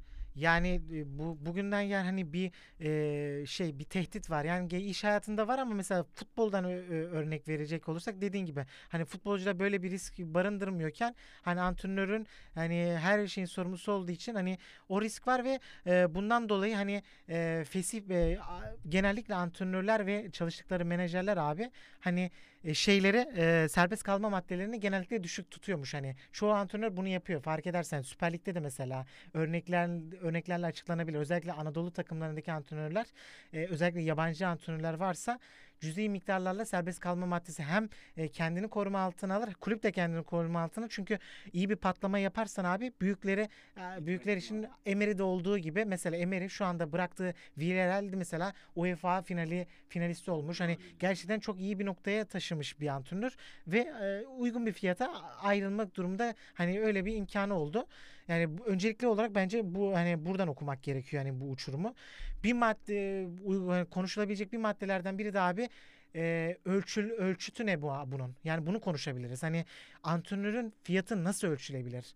Yani çok fazla çünkü emsali yok abi bu durumu. Mesela futbolcu futbolcu piyasasında hani bir oyuncuya verilen bonservisle diğer oyuncular hani e, ödenebilecek bonservisler hani e, ne derler hani merkez olarak alınıp hani ona göre uygun bir fiyat belirlenebilir ama antrenörler arasında çok fazla hani bu geçişleri çok görmediğimiz için bonservis hani bunun kıstası ne? Mesela Graham Potter'a neyle hani neden hani ödenir? Aynen o biraz daha e, istişarelerle olan bir şey. Çünkü iki, iki noktaya ayrılıyor. Hani bir antrenörü istiyorsan ya istişare edeceksin ya da sözleşmede yazıyorsa eğer e, fesih kalma bedeli onu ödeyeceksin. Yani bu tabii pazarlığa açık bir durum. Hani pazarlıkla birlikte ta- daha uyguna da getirilebilir ama e, tabii ki de hiç ki hiçbir takım hani an- iyi bir antrenörün sonuçta pik yapmış o, genellikle bu transferler kulübün hani çok iyi bir noktada olduğu dönemlerde hani ayrılıyor. Hiçbir takım e, iyi bir antrenörü niye bıraksın? Bunu tabii ki de bonservisle verirsin ve takımlarda tabii ki şöyle şu mantıkla düşünülüyor. Yani genellikle o, o, o çok hoşuma gitmişti. Hani futbolda genellikle hani fırsat geldiğinde hani önünde hani durulmaması gerektiği yani öyle bir gelenek vardı. Hani aynen öyle. Hani çünkü Türkiye'den örnek vererek anlatmak gerekirse çok iyi bir yerde sözünü kestim ama şu var. Hani antrenörün kafası karıştığında hani Evet. gitmek istediğinde gerçekten çok takımı da kötü etkileyebilir, etrafını etkileyebilir. Çünkü 50 kişiyi yönetiyor orada. Aynen Hani öyle. 25 tane futbolcu var, 25 tane teknik ekip var. Buna aşçısı dahil, tuvalet temizleyicisi dahil, yardımcı antrenörü dahil. Yukarıdan basın tribününden kamerayla çekip analiz yapan teknik ekip de dahil. Oradaki birçok pozisyonu etkileyebilecek bir adam olduğu için hani oranın patronu bir tane kulüp sahibi var. Türkiye'de olmasa da yurt dışından bahsediyoruz. Bir tane kulüp sahibi var. Kulüp sahibi bütün görevi antrenöre vermiş ve demiş ki burayı sen çevir. Ve o adamın psikolojisi eğer gitmek istediğinde durduğunda hani düşünsene bir antrenörsün Brighton'da Chelsea'den bit. Ya Brighton hadi Potter'ın elinden çıkalım artık. Sassuolo'da bir antrenörsün. Sen Abdullah Karataş adında ve sana Premier Lig geçtim. Atletico Madrid'den teklif geliyor. Ve teknik direktör olarak kafanı karıştırır hani. Üst düzey Şampiyonlar Ligi ve Real Madrid Barcelona ile kapışmak ve senden önceki teknik direktörleri CV'sinin nereye gittiğini görmüşsün ve bir şekilde seni bir cezbeder. Hani kulübün bırakmak istemiyordur. Sözleşme madden fazladır. Hani en fazlası da 23 milyon euro. Galiba 50 milyon euro yazan teknik direktör görmedim ama galiba göreceğiz. Bu gidişle büyük ihtimalle göreceğiz. Hani onlar çok etkili olacak. Burada gitmek isteyen oyuncuyu zorla tutabilirsin. Mesela Mbappe bir şekilde kaldı mesela. Gitmek istiyordu, gitmek istiyordu. Bir şekilde kaldı. Tamam takımı huzursuz olarak birazcık bozuyor ama hani bir şekilde devam ediyor oynamaya. Ama teknik direktör öyle değil. En son istifasını basar. Hani sözleşmede de 1 milyon euro yazıyorsa tazminat olarak hani istifa ettiğinde büyük genellikle de yazmıyor bu arada. İstifa ettiğinde kulübe tazminat öder diye kimse yazmıyor. Tam tersi kulüp kovduğunda teknik direktöre tazminat öder maddesi olduğu için bir anda istifa ediyorum ve gidebiliyorum gibi bir cümle olabilir. Ha bu arada resmi olarak Unai Emery'e bonservis ödenmedi. Hani bu açıklanmadı resmi olarak. Buna İngiliz basını 6 milyon euro ödendi ve İspanyol basını yazdığı için ve kaynakları sağlam olduğu için insanlar ödendi diye düşünüyor. Yani gerçekten bu bu konu önemli. Hani e, hep şey e, bu gelenekten bahsettik. Hani önünde durmaması gerektiğinden bahsettik. E, çünkü abi dediğin gibi hani e, merkezi bir yerde yer alıyor teknik direktör. Hani bir teknik direktörün hani huzursuz olması hani bir oyuncunun huzursuz olmasına göre hani e, bir kulübü takımı daha fazla etkiler. Yani çok düz mantıktır bu hani bir yani sonuçta bir oyuncunun etkisi bu Messi falan değilsen abi evet, hani antrenörün hani rahatsız olması o ortamda ama çok taşaklı bir isimdeyseniz. Aynen yani çok özel bir oyuncu olacaksın hani takımda gerçekten ağırlığın çok fazla olacak ki antrenör önüne geçeceksin ki kaldı ki o da sağlıklı bir durum değil. Hani o hep söylüyoruz zaten böyle hani evet. oyuncuları kontrol etmeyin her zaman ne kadar zor olduğundan bahsederiz. Yani çünkü e, bırak artı oyuncularla hani bağını hani sadece futbol takımıyla bağını sonuçta e, biz neden bahsediyoruz? Hani antrenör ne kadar merkezi bir yerde olduğundan sonuçta antrenör başkanla da temas halinde sportif direktör direktörle de yönetim kuruluyla da hani tüm o organizasyonla hani e, bağ olduğu için hani bu bağlar çok güçlü. White hani sonuçta hani bu bu şey bütün hayatın sonuçta senin o olduğu için profesyonel bir hani ortam olduğu için belki ailenden kopup ki yani bu ailende daha az vakit harcayarak kulüple e, iç içe geçiyorsun. Hani oraya çok ciddi mesailer harcıyorsun. sonuçta bu sadece bir maça hazırlık değil. Bunun yaz kamplarında transfer transfere kafa yorması var. Hani geleceği şey tüm planlı olduğu için bu bağ gerçekten çok kuvvetli ve e, bu bağ hani e, inanılmaz bir güven duygusu var. Hani bu hani güven bağı gerçekten etkilenir yani bu durumda. Hani böyle bir düşünce hani eğer bir antrenörün kafasına girmişse eğer hani bunun önüne geçmek gerçekten çok manasızdır. Hani bir ne kadar kulüp hani istemiyor istemiyorsa eğer zaten antrenör de hani çok hani iyi bir ortamda genellikle zaten bu teklifler çok başarılı takımların antrenörlerine girer. Aslına bakarsan antrenörler de zaten istemez. Hani genellikle hani güzel bir ortamdan ayrılmak istemezler ama hani bir noktada sonuçta e, kariyer de önemlidir. Hani takımda sonuçta çok iyi bir para alacaksa eğer hani pekala bu hani ayrıktılık hani güzel bir şekilde oluyor. Geldi. Kesinlikle. Yerine de çok sağlam bir teknik direktörle doldurdun. Hani bunun devamını zaten e, e, ne derler istikrarlı bir kulübün hani aynı futbolcu örneğinden sen 50 milyon euroya oyuncu satarsın. E, o yerine 30 milyon euroluk e, aynı oyuncu kalitede bir oyuncu doldurup 20 milyon euro kasanda e, artı yazarsın ve bu sürekliliği sağlarsın. Yani bu mantıken aslında sürdürülebilir olan şey budur aslında. Hani futbolda da hani hayatta da yani bunu genel geçer olarak söyleyebiliriz bir madde olarak da şu yani şu çok özellikle hani e, hani neden bu kadar makasın a, hani ayrıksı bir noktada olduğuna dair hani bir futbolcunun menajere göre daha pahalı olmasının bir sebebi abi kulüplere e, değer katan bireysel sponsorlukları olması. Bence hani bu, bu çok gerçekten çok kıymetli. Hani bunu yazıda da çok geçiyorlar hani bence birebir de Hani Messi'den örnek örnekle örneklenmiş. Messi kulüpten ayrıldıktan sonra Barcelona'dan Barcelona 70 milyonluk bir sponsorluğunu kaybetmiş. Ya. Yani bu şey Ver hemen. Geçen sene Balotelli mesela bir ney coin sitesinde reklamında oynadı ve Adana Demirspor'a ekstra sponsor oldular. Hani Adana Demirspor'un göğüs sponsoru, çorap sponsoru ve bence Balotelli oynadığı için Adana Demirspor ekstra bir para almıştır. Şu an gittiğinde Balotelli hani o devam ediyor sponsorluk. Ama maddi olarak bir düşüş sağlamışlardır. Aynısını Messi verdi. 70 milyon euro kaybetmiş Barcelona. Sırf sadece Messi var diye ve Messi Paris'e gittiğinde bir günlük forma satışı örnek veriyor sadece sponsoru geçtik forma satışı birçok şey etkiledi. Guardiola eğer kalkıp bugün başka bir kulübe gittiğinde bu etkiyi yaratabilir. Sadece dünyada iki teknik direktörü var. Biri Guardiola biri Klopp. Başka Arteta yarın Paris Saint Germain'e gittiğinde kimse kapıda alkışlamayacak. Hani kuyruklar oluşmayacak, formasını almak için sponsorlar gelmeyecek bize sponsor olun diye. Sadece bunu iki kişi yapabilir bence şu an dünyada. Guardiola ve teknik direktörler anlamına basıyor. Guardiola ve Klopp. Hani diğerlerin hepsi gelip geçici teknik direktörler olduğu için hani süperstar teknik direktörler değil ama futbolcular ve sporcular her zaman süperstar oldukları için ekstra size para da kazandırabilir, şöhret de kazandır. Düşünsene şu an. Örnek salladık şu an. Rashford Sakaryaspor'a geldi. Hani bir şekilde getirdiler.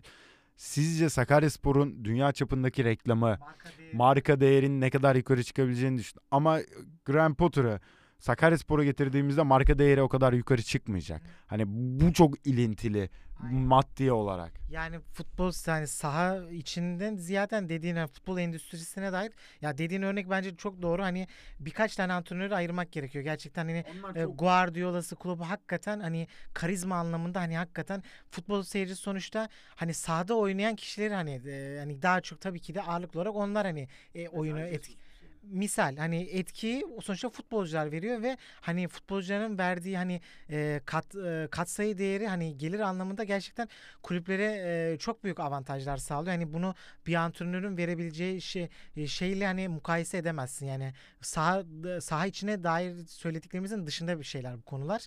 Hani gerçekten hani bir kulübün sonuçta e, o geliri de önemli bir hani bir, bir yer kaplıyor. Hani sürdürülebilirlik anlamında. Yani Kesinlikle yani o sürdürülebilirlik anlamında hani onlara da gerek olduğu için e, tabii ki de bunu ne nasıl ka- kapatıyorlar, e, absorbe ediyorlar. Hani oyuncu mesela ayrıldığında o oyuncular mesela daha fazla bonservis isteyerek hani o şekilde hani sonuçta imaj imajın kaybediyor. Aynı Balotelli Messi'de verdiğimiz örnekler gibi sonuçta bir boşluk oluşacak. Hani sonuçta artık bu bundan mahrum kalacaklar. Yani bu oyunculardan gelecek katma değerden mahrum kalacak bu kulüpler.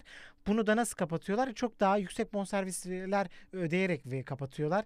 E, diyelim hani e, bu bunu da bence güzel bir anekdot. Hani bir konu konuşulabilecek maddelerden biri de şu abi. E, çok bu da çok hani konuyu aslında tartışmaya e, kapalı bir konu. Futbolcuların abi prime dönemleri kaç yıl olabilir? Hani sen sa- sapık değilsen hani Messi, Ronaldo, ne bileyim basketbolda LeBron James, e, Michael Jordan, ne bileyim teniste Djokovic, Nadal, Federer değilsen abi hani prime'ın senin e, taş çatladı 5 de 10 de hadi. Abi bir antrenörün prime'ını bırak hani ömrünü hani o kariyer anlamında bile hani atıyorum çok genç hani atıyorum Dezerbi gibi çok genç yaşlarda ne bileyim Nagelsmann gibi 30 yaşında başlamasan bile atıyorum futbolculuğu bırakıp 40'tan 45'ten sonra başlasan bile abi sen hani Maç. sağlığın sağlığın hani e, el verdiği sürece 70 80'e bile e, yapan antrenörler var. Yani 30 30 40 yıllara kadar uzanan kariyerler var. Yani hani bunu e, mukayese edemezsin yani bu e, gelir anlamında hani oyuncuların bir çok daha limitli bir ömrü var ve çok daha kıymetliler yani bu bu şekilde çok düz mantıklı okunabilecek e, bir yani madde bütün diyelim bence. Tamam diyelim yavaş yavaş toparlayalım bence çok güzel bir muhabbet oldu yani şunu örnek vereyim düşünsene bütün dünyanın şu an beklediği şey ne? Dünya Kupası'nda Arjantin Portekiz finali. Sırf Messi ile Ronaldo'nun son kariyerlerinin bitimine hatta Ronaldo'nun nereden baksan zorlasın 3 sene daha oynasın. Tamam da Messi de 5 sene oynasın. Ama yüksek top seviyede oynayamayacakları için öyle bir final görmek istiyor insanlar. Hani sen Dünya Kupası'nda şey görmek ister misin? Guardiola ile Klopp finalini. Ya bir şey diyeceğim de tamam ne kadar iyi antrenör olursa olsun da kimse takmayacak. Zaten bol bol Aynen, yani yok şey olarak söylüyorum.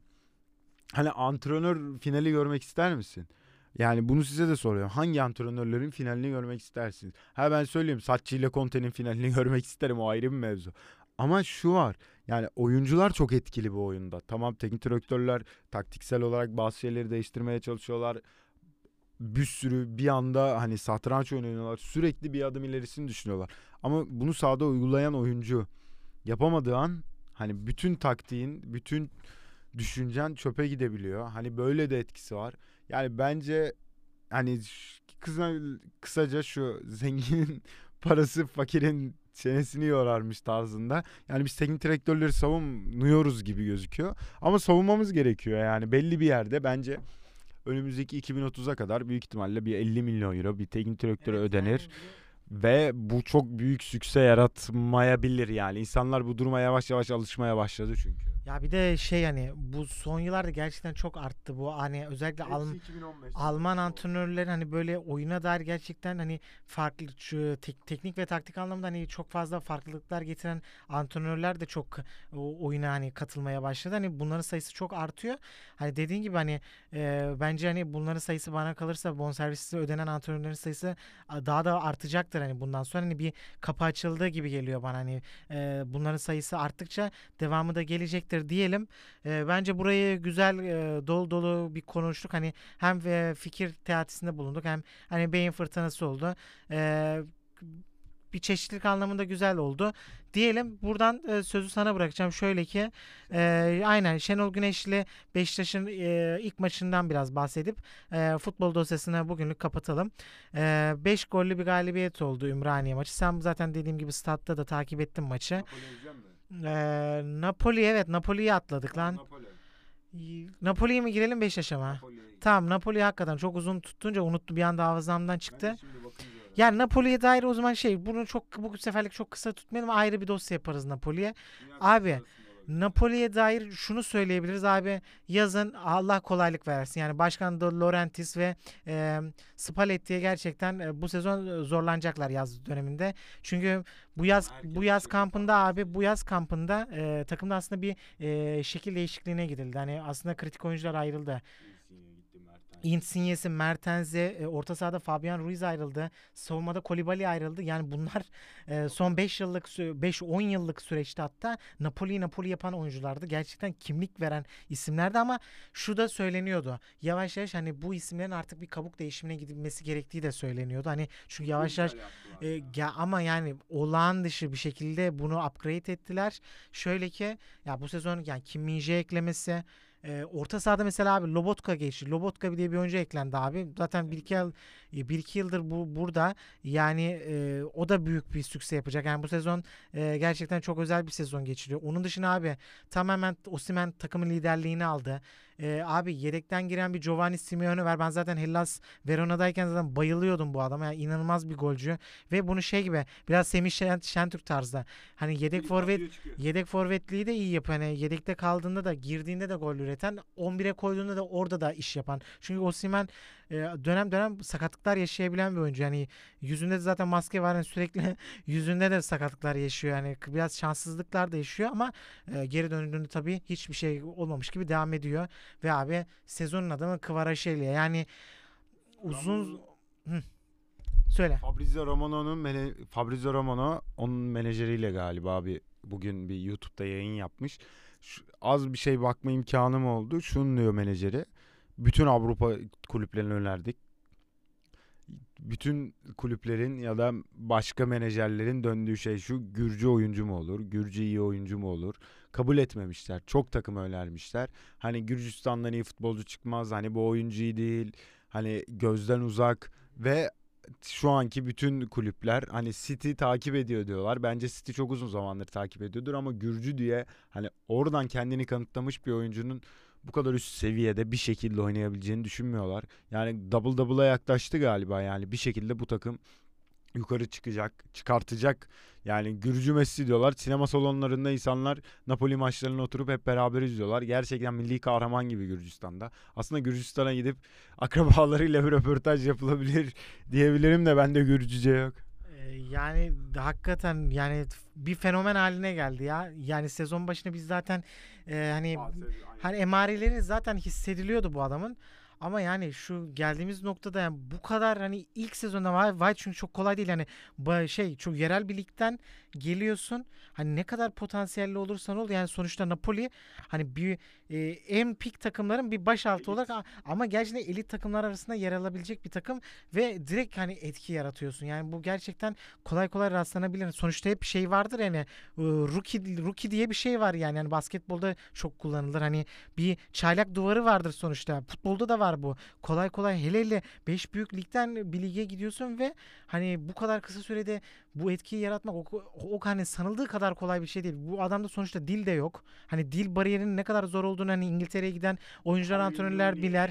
Hani bunlar gerçekten e, hani sonuçta bu e, profesyonel olsa da sonuçta çok genç oyuncular yani 20 yaşında çocuklar hani Avru- İlk kez- kesinlikle yani hani tavırlar, davranışlar hani psikolojik olarak, mental olarak hani adapte olmak o kadar kolay değil sonuçta. Bu işler hani e, saha içinde olduğu kadar saha dışında da yürütülemesi gereken şeyler.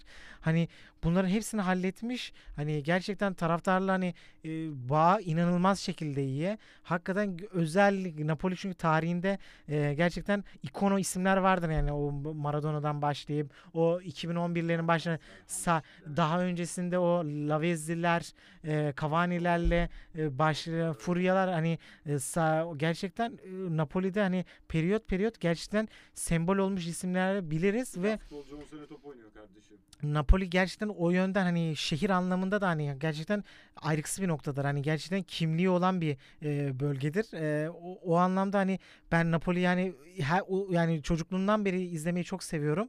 Hani böyle bir oyuncunun da hani var olması ama tabii ki iş dönüp dolaşıp şu hani diye ilk başta sözü sözünü ettiğim kısma gelecek. Bu oyuncuyu hani ko- tutabilmek o kadar kolay olmayacak. Yani gerçekten e, şimdiden hani City'si, Liverpool'u, Real Madrid'i yani kapıda sıralanacaktır ve yani gerçekten de hak, hak ediyor. Yani hani bir sıçramayı hak ediyor. Ne bileyim Kim Min-jae hani bir tahta bir seviyeyi daha hak ediyor. Osimhen yani gerçekten şu adam bu adamın e, bu adamın gerçekten pikini görmek hani şu anda gerçekten hani muadili anlamında geniş anlamda korkunç bir sprinter, e, inanılmaz bir atlet. Ceza sahasında ceza sahasında inanılmaz etkili bir oyuncu. Hani sürekli hareketli. Ya onu inanılmaz bir e, Kvara şeylerle de uyumu inanılmaz. Yani geçen hafta bir Sassuolo ile iç saha maçını aç- izledik abi. 4-0'lık bir galibiyet. O onu attırıyor. O onu attırıyor. Yani Kvara şeyle iki gol bir asist. Ee, Osimhen hat-trick. Yani böyle böyle maçları çok oluyor. Çok kolay çözüyorlar. Vay yani XG verilerinde şu anda Avrupa'da hani nasıl Fenerbahçe marjı bizim Süper Lig'de çok fazla aş, aştıysa diğer takımlarla e, e, aynı şekilde İtalya'da da Napoli'yi bunu söyleyebiliriz. Gerçekten hani diğer takımlarla şampiyonluk adayları çok fazla takım var. Hani Atalanta'sı, Milan'a, Inter'e e, bunları sayılabilir. Belki Roma'sı dahil edilebilir ama ayrıksı bir noktada. Napoli maçları kol- çok kolay çözüyor. Yani en büyük farkı burada yaratıyor. Yani diğer takımlara göre onları ayır- ayıran nokta o. Maçlar ilk yarım saatte çok rahat çözülüyor. Napoli galibiyete çok kolay ulaşıyor. Yani City'den örnek verelim. Hani City'nin diğer takımlardan ayrıksı onu olmasının sebebi bu. Çok kolay çözüyor İngiltere'de City yani takımlara. Mesela bir Arsenal, bir Liverpool galibiyetleri bu kadar kolay alamıyor. Hani o başa çıkamamanın sebebi de bu zaten. Ben o yüzden hani bir sakatlık çok ciddi hani ana ana oyuncuların bir problemi olmazsa birlikte uzun zaman sonra o hani hasretini çektikleri şampiyon gerçekten çok güzel olacak. Yani ben e, bu takımı büyük keyifle izliyorum. Yani ara ara mutlaka izlemek gerekiyor bu takımı. Çünkü bu iskelet e, çok fazla birlikte olmayacak. Aynen. Yani bu iskeletten önemli aktörler ayrılacaktır. Diyelim Beşiktaş'a atlayalım baba. Ee, az önce zaten ilk birkaç cümle etmiştim. Şenol Güneş'e etkisi tabii ki bu maçla ölçülemez. Ee, Ben sa- sana topu alacağım. Ben Beşiktaş'a dair çok fazla konuşmayacağım. Sana, sana bırakacağım komple. Çift forvetle başladı. Jetson'u hemen rotasyona soktu. Hani hemen ilk 11'e çünkü son dönemlerde oynatmıyordu Valerian İsmail. Tercihini biraz daha Salih'li, Josef'li iskeletten kullanıyordu ama Jetson'da yani gördük. Çok fazla hani atletizmiyle birlikte fark yarattığını gördük. Hani çok tatmin edici bir galibiyet. Yani 5 gollü olsa bile sorunlar yaşadığını gördük Beşiktaş'ın özellikle savunma anlamında. Hani derbi anlamında da bu biraz sorun yaratacaktır bana kalırsa. Galatasaray hani iç sahada da oynayacağını düşünürsek problemler çıkaracaktır. Hem Ümraniye maçını yorumla istersen bir Galatasaray maçına dair de bir e, fikriyatını söyle ve Beşiktaş dosyasını kapatalım. Ya Şenol Güneş de maçtan sonra bahsetti. Takım olarak tam 5 gollü bir galibiyet ama karşında galibiyet alamamış. Ligin en düşük bütçeli, en geniş rotasyonsuz, sürekli geniş rotasyondan bahsediyoruz. Geniş rotasyon olmayan bir takım Ümraniye Spor'a karşı. Ya Şenol Güneş'in ilk emarelerinden biri şuydu. Cüney, Cüneyt demişim. Cenk Tosun direkt kanada attı. Ama Şenol Güneş'in en büyük özelliklerinden biri biri forvet, iki forvetle oynuyor ama iki forvetle oynamıyor. Sürekli birini kanada atıyor.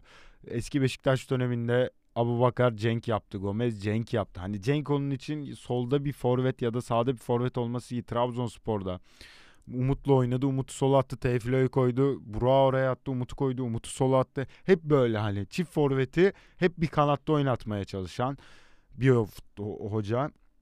Yani Beşiktaş bence bu galibiyeti hocayla değil bireysel oyuncuların hevesleriyle, istekleriyle aldılar. Delalli bence ilk 11'i başladı. Bence Galatasaray maçında da 11'i başlayacak. Ama ondan sonra Dünya Kupası'ndan sonra bence kolay kolay 11'i başlayamaz hani. Eğer kendini çok ekstra motive etmezse durumuna bakar. Şun dedi ona dokunmak istiyoruz ama kırabiliriz dedi hoca. Çünkü o çok belirgin hani yani kırarsak zor bir oyuncu kırarsak bir daha toparlanmaz ve hani kulüp içinde çok etkisiz olur. Savunma anlamında bence Masuaku'yu kesecek bir yerde. Direkt ikinci yarı iki beki değiştirerek genişe aç genişe açtı oyunları. Hani Umut Meraş ve Tayfur Bingöl'ü kullandı. Tamam Rozier'i çıkarma sebebi sarı kart yememesiydi. Çünkü haftaya Galatasaray deplasmanında oynatmak istemiş. Pazartesi günkü antrenmanda birebir özel muhabbet hani özel konuştu. Şenol Güneş'in bilirsin futbolcularla birebir konuşmasıyla performansın yükselmesi çok fazla olur.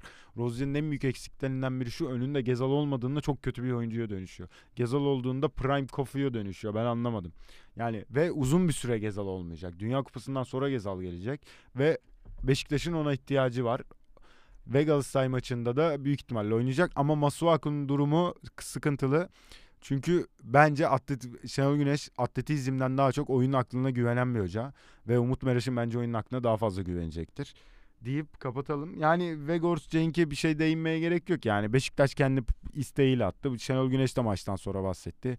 Yani çok gol atıyoruz, çok gol yiyoruz ve şampiyon olmak istiyorsak gol yemememiz gerekiyor dedi gol yemememek için bir şeyleri değiştirecektir. Ama bunları bence Dünya Kupası arasında Antalya kampında yapacaktır. Bütün takımlar Antalya'ya gidecek bu arada hazır bilgi vereyim size. %70'i kendi tesislerinde başladıkları antrenmanlara Antalya kampıyla son bulacak ve orada bir iki hazırlık maçıyla yapacak. Ben şunu çok isterim ya. Dört büyüklerin kendi aralarında hazırlık maçı yapması isterim. Yani Galatasaray Trabzon'la oynasın. Fener Beşiktaş'ta ya da Fener Trabzon. Yani ufak çaplı hazırlık maçları hani test etme amacıyla ya da oynamak istemiyorlarsa hani ekstra oraya bence Ukrayna takımları da gelecek. Avrupa'dan birçok takım gelecektir Antalya'ya.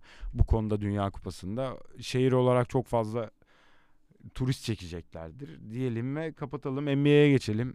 Ya da Euroleague'e mi geçelim? İkisine de geç. Kısa kısa atalım. Herhalde bir saati geçti uzun oldu ama fazla bir konu vardı. Aynen biraz daha uzun oldu diyelim. NBA ile Euroleague'e geçelim. Aynen. Yani Euroleague ile alakalı Fenerbahçe, Beko, e, Anadolu Efes'i yani deplasmanda yani e, Sinan Erdem'deki maçta yendi. Yani form grafiklerine bakılırsa ya beş Fenerbahçe gerçekten şu an çok istim üstünde. Yani Cumhurbaşkanlığı kupasını kaybederek başlamışlardı Anadolu Efes'e karşı sezonunda. Ama e, devamındaki e, hem Euroleague hem e, Türkiye Basketbol Süper Ligi'nde oynadığı toplam 10 maçının hepsini kazandılar. Yani şu an istim üstünde Avrupa'daki yani en formda birkaç takımdan biri olduğunu söyleyebiliriz. Euroleague'deki de Olympiakos'un bu haftaki mağlubiyetiyle birlikte Monaco'ya maçını kaybetti. Euroleague'deki namalip tek takım oldu artık Fenerbahçe Beko. Yani bu maç özelinde yani 40 dakika boyunca oyunu sürekli bir adım öndeydi White. Yani bu çok kıymetli. Yani Anadolu Efes'e karşı hani e, ne oyunun kontrolünü hiç kaybetmemek e, bence en kıymetlisi. Yani Efes çünkü öyle bir takım değil. Yani e, belli periyotlarda hani maçı kaybediyor olsa bile oyunun oyunu dikte edebilen bir takım. Sonuçta çok özel isimlere sahip takım. Hani Vasamitsic'i var.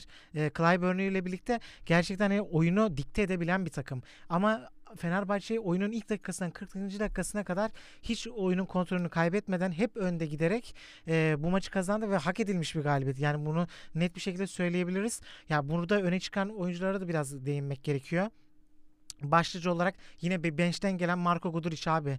Yine en can alıcı yerlerde çok kritik üçlükler buldu. Onun dışında yine Zizic'in e, savunma zafiyetine Kalates'le e, Jonathan Motley'nin inanılmaz yani Zizic ne zaman oyuna girse hep Zizic hedeflendi. Ve ba- bu- bunu bence bu maçı Cumhurbaşkanlığı maçıyla bili, bağ- bağlamak gerekiyor. E, Itudis abi şöyle bir antrenör. Hani böyle büyük maçlara hani maç özelinde hani e, hazırlanabilen bir antrenör şöyle bunu da şöyle yapıyor. Clyburn abi bir eski oyuncusu sonuçta CSK'dan. Clyburn bir röportajında şunu diyor.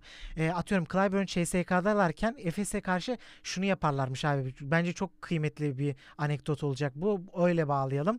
E, şunu hedefliyorlarmış abi Itudis. Hani antrenmanlarda Efes'e karşı hazırlanırken şunu istiyorlarmış oyuncularından. Larkin abi 30 sayı atsın ama Larkin'in 10 asist yapmasını istemiyorum. Yani e, takımdan ayrı hani takımla bağını kopartarak özellikle Mitsic ve Larkin'i hani skorlarını atabilirler. Biz buna okeyiz ama bunu takımın 3. 4. 5. aktörlerini oyuna dahil etmesini asla istemiyorlarmış. Abi bu maça geliyoruz. Ne oldu?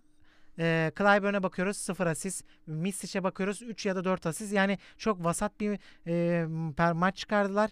Skor anlamında da yine çok da fazla taşıyamadılar ve tamamıyla kitlediler Efes'i. Hani e, Larkin zaten devre dışı ve tamamıyla Itudis'in istedikleri oldu. Yani oyunu asla katmadılar. Üçüncü, dördüncü olarak bir ama Tembay'ın bireysel bir, birkaç dokunuşları oldu ama yeterli olmadı. İkinci dokunuşu da Cumhurbaşkanlığı Kupası'nda abi Zizic maçı domine etmişti. 22 sayı 10 rebound mı ne yapmıştı. Efes'te inanılmaz oynamıştı o maçta. Bu maçta abi Zizic ne zaman sahadaysa hep Zizic hedeflendi. Zizic'in çünkü ayakları çok yavaş savunmada. Jonathan Motley'nin motoru çok yüksek. Kalates gibi inanılmaz bir pasör var. Sürekli tepede ikili oyunlarla devrilen uzun olarak kullandılar ve maç sonunda da zaten kriz anına gelmişti aslında. Efes 4 sayıya kadar düşürmüştü maçı. Orada Motley ile e, Kalates tekrardan oyuna dahil oldu.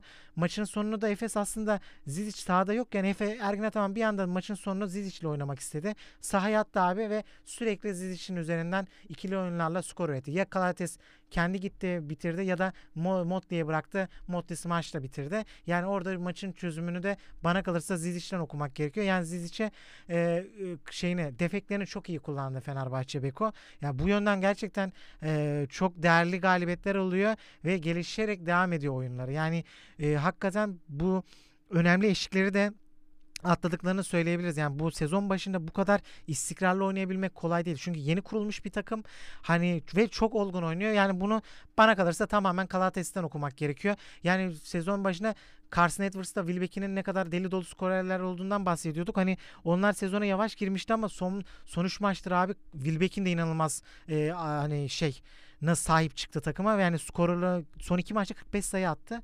Onun da çok formda olduğunu söyleyebiliriz. Hani Wilbeck'in çünkü bu takıma hani skoruyla gerçekten boyut katabilecek bir oyuncu. Hani iyi gününde gerçekten Fenerbahçe'ye ekstra seviye atabilecek bir isim. O yönden de çok değerli diyeyim. NBA ile NBA'ye geçeyim. NBA'de yani haftaya geç geçen haftaya dair iki konu başlığı aldım. Yani bence keyifli oluyor yani öne çıkan maddeler. Birisi Brooklyn Nets'te abi inanılmaz fokur fokur kaynıyor abi kulüp. Bunu söyleyebiliriz. Bir gün önce Stinleş'e de yol verdiler. Malumun ilanı baba. Takım çok kötü gidiyor. Ee, çok ciddi problemler yarıyor. Yani bir Ben Simmons probleminden söz edebiliriz. O oynaması bir dert. Şu anda o sakatlığından dolayı oynamıyor. Oynadığında abi çok büyük dert. Ee, bir Kyrie Irving problemi var. Yani onun saha dışı problemleri var. Yani e, inanç anlamında gerçekten e, magazinsel boyutta e, çok e, yani kulübü karıştıran bir figür. Gerçekten hani e, sahadaki katkısından öte hani gerçekten artık e, e, şey kabak tadı vermeye başladı. Yani izlemesi büyük keyifli olan bir oyuncu ama yönetilmesi gerçekten problem olan bir oyuncu. Bu durumda abi e, kendi skoruna yani kendi oyununa bakmaya çalışan bir Kevin Durant'ten bahsedebiliriz ama o da sezon başında takasını istemişti ama bir şekilde sezona başladı ama bu takım abi dağılacak. Yani bu takımın e, çok fazla ileri gidebileceğini hani e, söyleyemeyiz yani çok kolay bir şey değil. Kısa süreç içerisinde antrenörü zaten değişti. E, ama devamında da ben tak yavaş yavaş takasların gelebileceğini ve artık rebuilding'in e, Brooklyn Nets için e, artık hani e, kaçınılmaz son olduğunu söyleyebilirim. Diğer takımımda Golden State'i almak istedim ben. onlarla onları dair de şu yönden almak istedim abi. Sezona çok kötü girdiler abi. Hani son şampiyon. Yani bu aslında çok e, konuşulmaya dair bir şey mi? Çok, ondan çok emin değilim. Çünkü hani bu takım gerçekten yine iddialı olacak ama şunu konuşmaya değer buluyorum. Yani şey çok dengesiz başladı. Yani Klay Thompson çok dağınık başladı. Jordan Poole yani rotasyonda yerini bulamadı. Yani bu bu bu yönden e, biraz daha şey ayrıksı duruyor. Andrew Wiggins de Stephen Curry biraz daha sezona istikrarlı başladılar ama çok fazla top kaybı yapıyorlar. Savunmada çok fazla defektle başlar. Yani o e, biraz şampiyonluk rehaveti var sezon için. Yani bir, ben sezon içerisinde biraz daha hani 50'li galibiyetlerle ilk dörtte yer alabileceğini düşünüyordum ama e, çok yavaş başladılar. Bu hafta da onlar için iyi geçmedi. Yani biraz e, disiplin anlamında hani e, tekrardan hani şey, birleşmeleri hani bir noktada hani çünkü kimli kimlikleri bunların böyle yani Golden State'i hani kimliğini var eden hani e, iyi bir savunma hani temeliyle birlikte hani tamamen yüksek tempoda hani hani catch and shoot yani şey sürekli e, hani pace and space dedikleri abi hani topu rebound al açık sahayı koş ve şut at. Yani bu oyunu biraz kaybettiklerini görüyoruz. Yani aslına bakarsan Curry iyi girdi sezon hani gayet iyi oynuyor ama takımda diğer parçalar henüz e, biraz daha e, sezonun devamında yani Golden State'in de aşılabileceğini düşünüyorum diyeyim. Hani öne çıkan maddeler oldu mu her hafta böyle bir iki maddelerle ufak ufak konuşuruz diyebilirim. Topu sana atayım. Bence dolu dolu bir program oldu. Çok keyifli oldu. Yani özellikle abi e, o şey Brighton Chelsea meselesine güzel girdiğimizi düşünüyorum bence. Hani farklı farklı hani kapılarda bence hani açtık hani alternatif hani yönlerde sunmaya çalıştık. E, güzel oldu bana kalırsa. Şey var.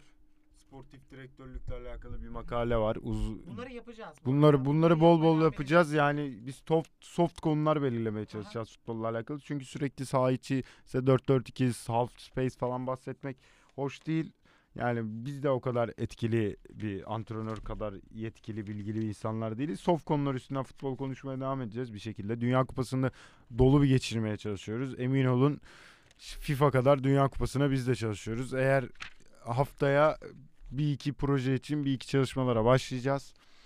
Olursa bilgilendirin. Olursa bilgilendirme yapacağız ve olursa bence değil, şey söyleyeyim size podcast Türkiye Podcast'in iyi Dünya Kupası yayını olur. Ağzına sağlık canım. Ağzıma sağlık diyelim Apocuğum. Kapatalım. Ke- Kendinize görüşmek üzere. Bak bugün kaçıncı bölüm onu söylemedim. İnşallah haftaya tekrar görüşürüz. Hoşçakalın.